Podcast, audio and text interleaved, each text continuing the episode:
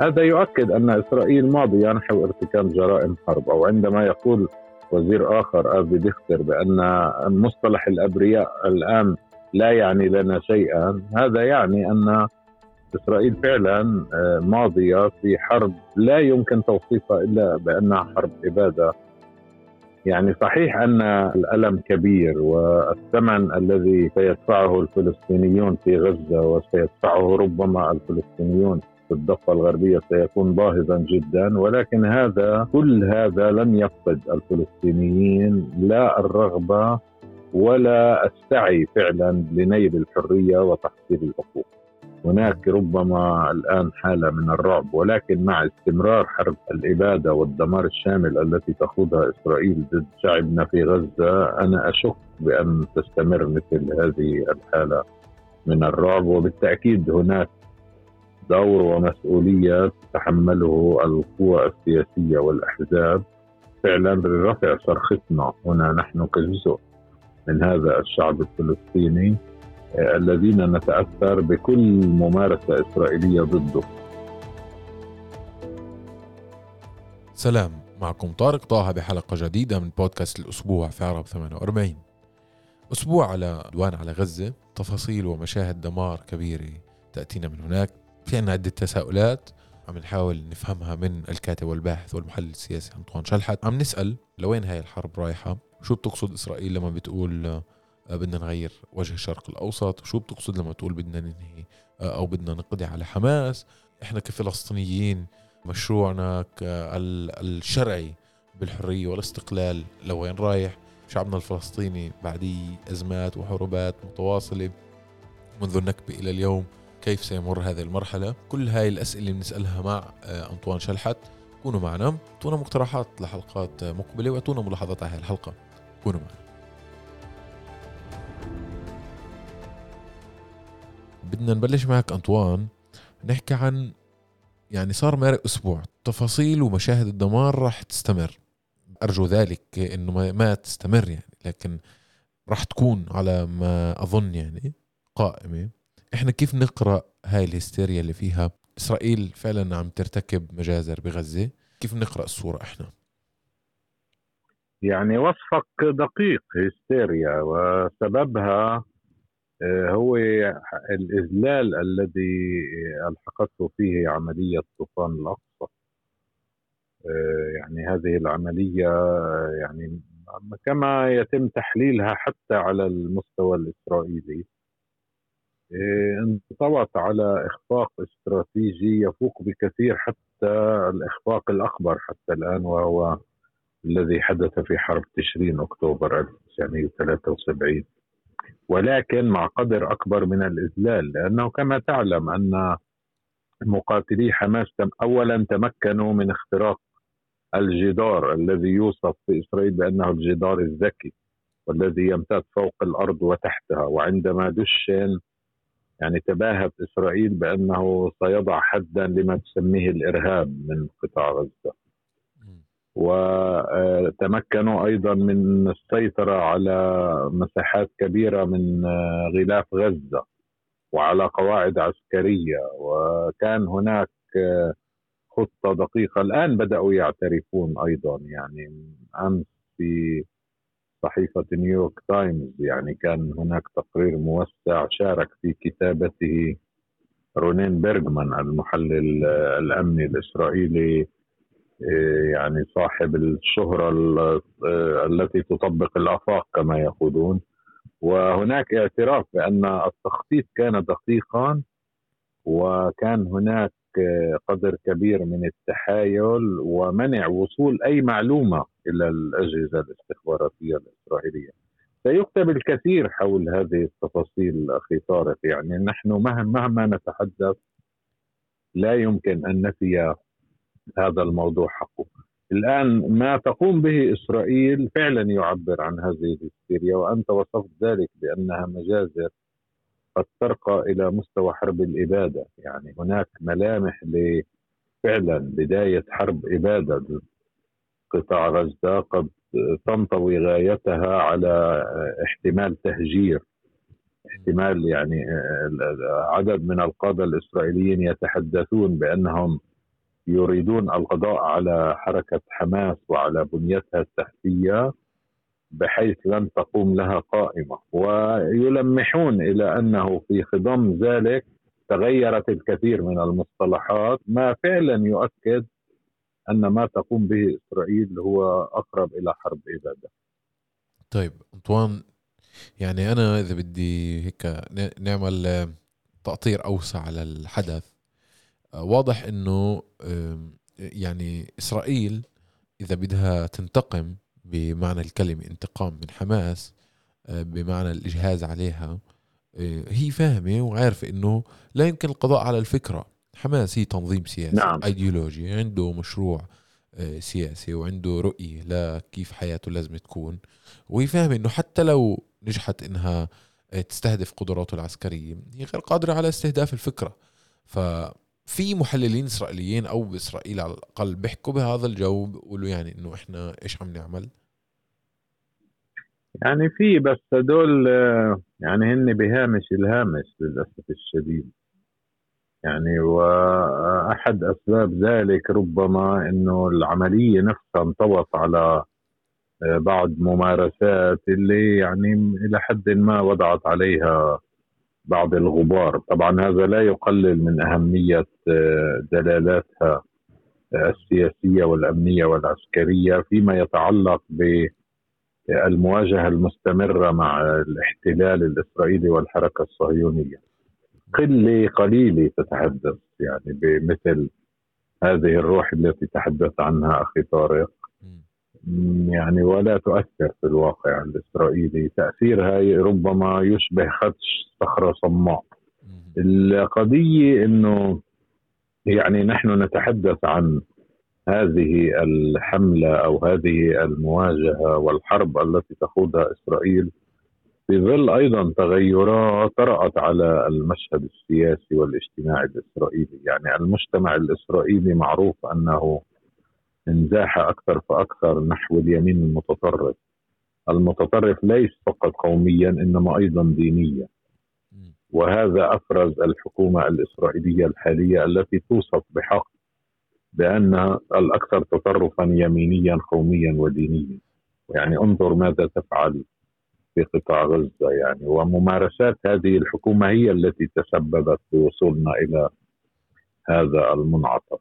ولذلك يعني أنا برأيي أنه لا يمكن التعويل في هذه المعركة على الرأي العام الإسرائيلي. وأنا أفهم سؤالك لأنه أنت في السابق أكيد تعلم أن الرأي العام الإسرائيلي كان يؤثر. يعني بعد الانتفاضة الأولى مثلا كان في تأثير للرأي العام الإسرائيلي من أجل بدء مفاوضات مع الفلسطينيين. بعد حرب لبنان في 1982 كان هناك تأثير للرأي العام من أجل تشكيل لجنة تحقيق في الحرب ومجازر صبرة وشتيلة حاليا الرأي العام الإسرائيلي أنا أعتقد أنه مجند بحجة أن عملية طوفان الأقصى هي كانت تستهدف الوجود الإسرائيلي الوجود اليهودي.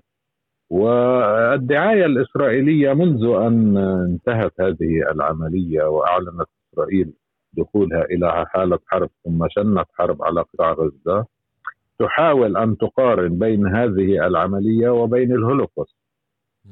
بمعنى أن اليهودي مهدد دائما في وجوده ولذلك يجب أن نتوحد. كلنا وللأسف الشديد يعني هذا الخطاب على ما يبدو يؤثر في الرأي العام الإسرائيلي. يضاف إلى ذلك العالم. أيضا أن نعم أن العالم يتعامى عن آه، الممارسات الإجرامية عن جرائم الحرب التي ترتكب. ولأول مرة الكثير من المسؤولين الإسرائيليين يتحدثون عن أننا سنرتكب جرائم حرب يعني ليس بهذا المصطلح.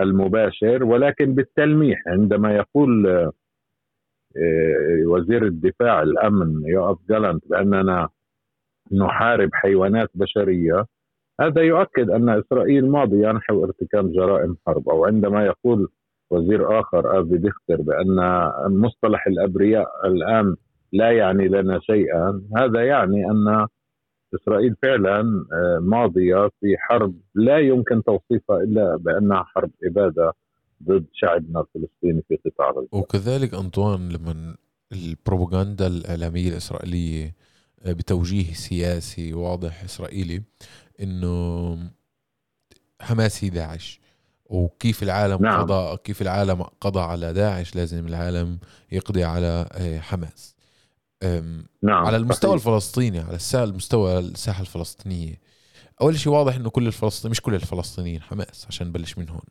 واضح إنه هذا شعب واقع تحت احتلال صار له 75 سنة بقاوم من أجل إنه يحصل على حريته واستقلاله إسرائيل عم بتحاول تستغل هاي المعركة غير إنها تكبد الفلسطينيين خسائر مدنية وبشرية ومادية كمان بدها توضعهن بحالة حسم الصراع بمعنى إنه هذا الشعب لا يستحق الحياة ولا يستحق نعم. الحرية ولا يستحق الاستقلال. برأيك شعبنا الفلسطيني آه، مرق يعني هالقد مسار طويل آه، مع هذا الاحتلال؟ فبرأيك قديش ممكن تأثر على مسار الفلسطينيين من أجل آه، نيل الحرية؟ يعني أنا أظن بالعكس يعني ما النتيجة المتوقعة من الآن التي يمكن أن يستشرفها حتى الطفل الفلسطيني إنه الشعب الفلسطيني سيزداد تمسكا بنضاله من أجل الحرية وحق تقرير المصير. يعني ارتكبت في السابق مذابح الآن ترتكب مذابح ربما تكون أشد وأدهى لكن هذا لم ينل من عزيمة شعبنا الفلسطيني يعني هذه العملية أثبتت بما لا يدع مجالا للشك الكثير من الأمور. أولها أن الشعب الفلسطيني يناضل من أجل حريته ولا يأبه بكل التغيرات التي تطرأ على الظروف حتى التي يمكن توصيفها بأنها موضوعية. ولا يأبه بانفضاض الكثير من الدول العربية عن تأييد حقوقه وعن قلب المعادلة. يعني في السابق كانت المعادلة أن الطريق إلى التطبيع مع إسرائيل يجب أن تمر عبر تسوية القضية الفلسطينية تسوية عادلة بحسب قرارات الشرعية الدولية. الآن يجري العكس يتم التطبيع مع إسرائيل من أجل منح إسرائيل فرصة أن تملي ما تريد على الفلسطينيين لتسوية قضيتهم وما تم وما تريد أن أن تمليه إسرائيل يمكن أن يكون كل شيء سوى أن يلبي حقوق هذا الشعب. لذلك يعني صحيح أن الألم الألم كبير والثمن الذي سيدفعه الفلسطينيون في غزة وسيدفعه ربما الفلسطينيون في الضفة الغربية سيكون باهظا جدا ولكن هذا كل هذا لن يفقد الفلسطينيين لا الرغبة ولا السعي فعلا لنيل الحرية وتحصيل الحقوق. وبالمناسبة هاي أخي طارق بس بإيجاز شديد. كل من يتحدث عن أن يعني نحن تحدثنا عن انزياح المجتمع الإسرائيلي نحو اليمين بمعنى أن الرأي العام بات يؤيد أكثر فأكثر سياسة حكام إسرائيل. ولكن سياسة إسرائيل من ناحية وحشيتها تجاه الفلسطينيين لم تكن معتدلة. يعني ولا ولا مرة. يعني طوال السنوات التي تقاتل فيها إسرائيل الفلسطينيين ارتكبت الكثير من الممارسات الوحشية. يعني من يأتي الآن ليقارن ويقول إن إسرائيل الآن تمارس أبشع الممارسات الوحشية. أنا لا يعني لا أوافق على ذلك. هناك المزيد ربما أو توسيع لهذه الوحشية ولكن جذور هذه الوحشية كامنة في السياسة الإسرائيلية وفي الفكر الصهيوني. طيب أنطوان بسمع تصريحات من نتنياهو ومن قادة سياسيين آخرين عسكريين كمان إسرائيليين بيحكوا إنه سنغير وجه الشرق الأوسط. هذا المصطلح أنا اللي هيك بصفن فيه شوي. بحاول أقرأه على عده على عدة أوجه. وصراحة مش عارف أمسك طرف الخيط أو مش عارف أفكك هاي هي هذا هذا هي التصريحات أو أخذها بشكل جدي. كيف أنت بتشوفها؟ يعني أنا بظن إنه أو شو بقصدوا لما بيقولوا بتغيير الشرق الأوسط؟ يعني هن بقصدوا اولا إنه يعني ما أشرت إليه أخي طارق حسم الصراع. حسم الصراع ماذا يعني؟ يعني منع الشعب الفلسطيني من إقامة دولته المستقلة. نتنياهو هذه عقيدته يعني هو آه، يتبنى عقيدة منع إقامة أي كيان فلسطيني وحاول عن ذلك عن طريق عدة مقاربات. ربما بدأها بمقاربة السلام الاقتصادي ثم انتقل إلى مقاربة إدارة الصراع ثم انتقلت إسرائيل إلى مقاربة تقليص الصراع. يبدو أنها الآن هي بمرحلة الانتقال إلى مرحلة حسم الصراع. القضاء ربما على حركة التحرر الوطني الفلسطينية على حركة المقاومة لأن عملية طوفان الأقصى أعادت إلى حركة حماس وسائر الفصائل الفلسطينية مكانة أنها حركة مقاومة. يعني قبل ربما فترة وجيزة كان هناك الكثير من النقد الذي يوجه إلى حركة حماس ويتساءل هل تحولت حركة حماس إلى حركة سلطة فقط؟ وهذه العملية أعادت لها مكانة أنها حركة مقاومة. ولذلك يعني الآن التوجه الإسرائيلي هو محاولة حسم المعركة من خلال القضاء على المقاومة. الآن بالنسبة لتغيير وجه الشرق الأوسط يعني نتنياهو ربما يريد هذا التغيير. تمام أن يحسم الصراع ويمنع الفلسطينيين مرة واحدة وأخيرة من الفوز بدولة فلسطينية مستقلة. ولكن آه، لا تجري الرياح بما تشتهي سفن آه، نتنياهو. لأنه تغيير وجه الشرق الأوسط يمكن أن يتم في اتجاه معاكس لما يرغب به نتنياهو لأن هذه العملية لها تداعيات. هناك تداعيات على المستوى الإسرائيلي هناك تداعيات على المستوى الإقليمي وبرأيي هناك تداعيات أيضا على المستوى الدولي. طيب أنطوان إحنا كفلسطينيين عايشين حالة ترقب أينما كنا؟ بنطلع عين على الجنوب وعين على الشمال. بالشمال واضح إنه في توتر في في نعم. توتر في بوادر لتصعيد عسكري لكن يعني بعده ما في شيء واضح. قديش انت بتتوقع شو السيناريوهات الأكثر طرحا أو المطروحه اسرائيليا لشو ممكن يصير على الجبهة الشمالية؟ يعني شو الحاله الأسوأ؟ أو أو وين نعم. شو الظرف اللي بخلي يكون عن جد تصعيد عسكري أو ربما فتح جبهة حرب أخرى بالشمال؟ مع لبنان يعني فتح جب نعم نعم فتح جبهة جبهة أخرى في الشمال. أنت يعني صدقت بقولك مع حزب الله لأن حزب الله اليوم موجود ليس فقط في لبنان موجود أيضا في سوريا في منطقة هضبة الجولان. صحيح. فتح جبهة قتال معه في لبنان وفي الجولان. هناك من يتحدث عن احتمال أيضا دخول الحوثيين في اليمن وميليشيات إيرانية في العراق. وإسرائيل تحذر منذ مدة من سيناريو حرب كهذه تصفها بأنها الحرب الأخطر التي يمكن أن تواجهها وتصفها بأنها حرب متعددة الساحات. وأن إسرائيل ليست جاهزة لها ربما هذا موضوع آخر. آه، آه، إمكان اندلاع هذا الحرب هو إمكان يعني غير مستبعد حتى بحسب التحليلات الإسرائيلية. يبقى السؤال المطروح هو متى يمكن أن تنضم هذه الجبهات خصوصا الجبهة الشمالية إلى الحرب ومتى سيعتبر حزب الله أن إسرائيل تجاوزت خطا أحمر بحيث لا يمكن إلا أن ينضم لهذه الحرب. وهناك الكثير من الاجتهادات.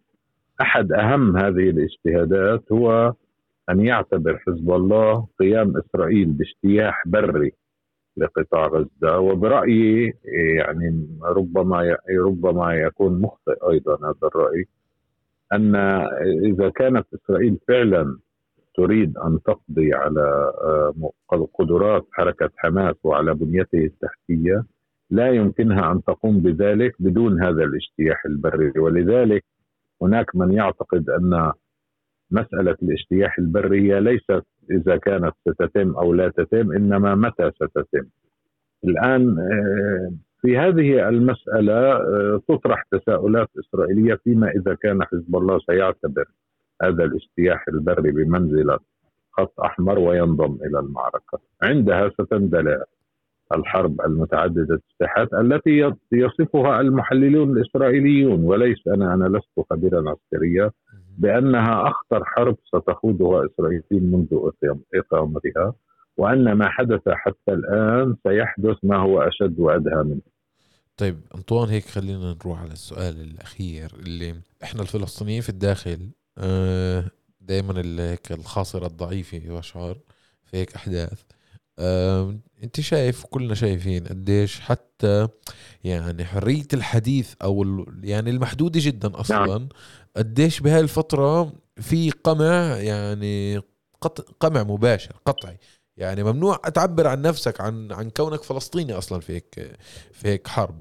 وبتزوك بمكان عملك بشغلك بتعليمك بكل مكان. وبالتالي أنت تنضبط كالمؤدب والمهذب. لكن إحنا امتداد لشعب يعني بالآخر.